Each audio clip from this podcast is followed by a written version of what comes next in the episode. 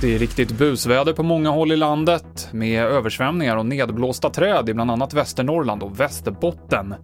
TV4s Peter Svanberg rapporterar från Umeå.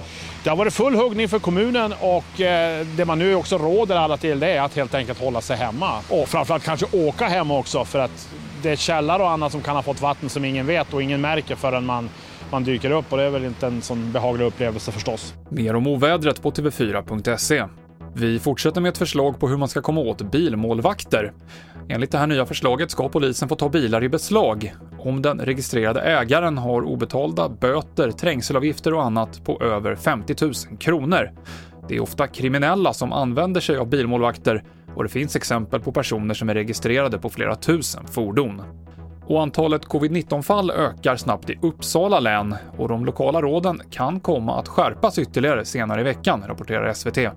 Även antalet patienter som vårdas med pågående infektion ökar. Det gör det även i bland annat Västra Götaland och i Stockholm. Det här var TV4 Nyheterna med Mikael Klintevall.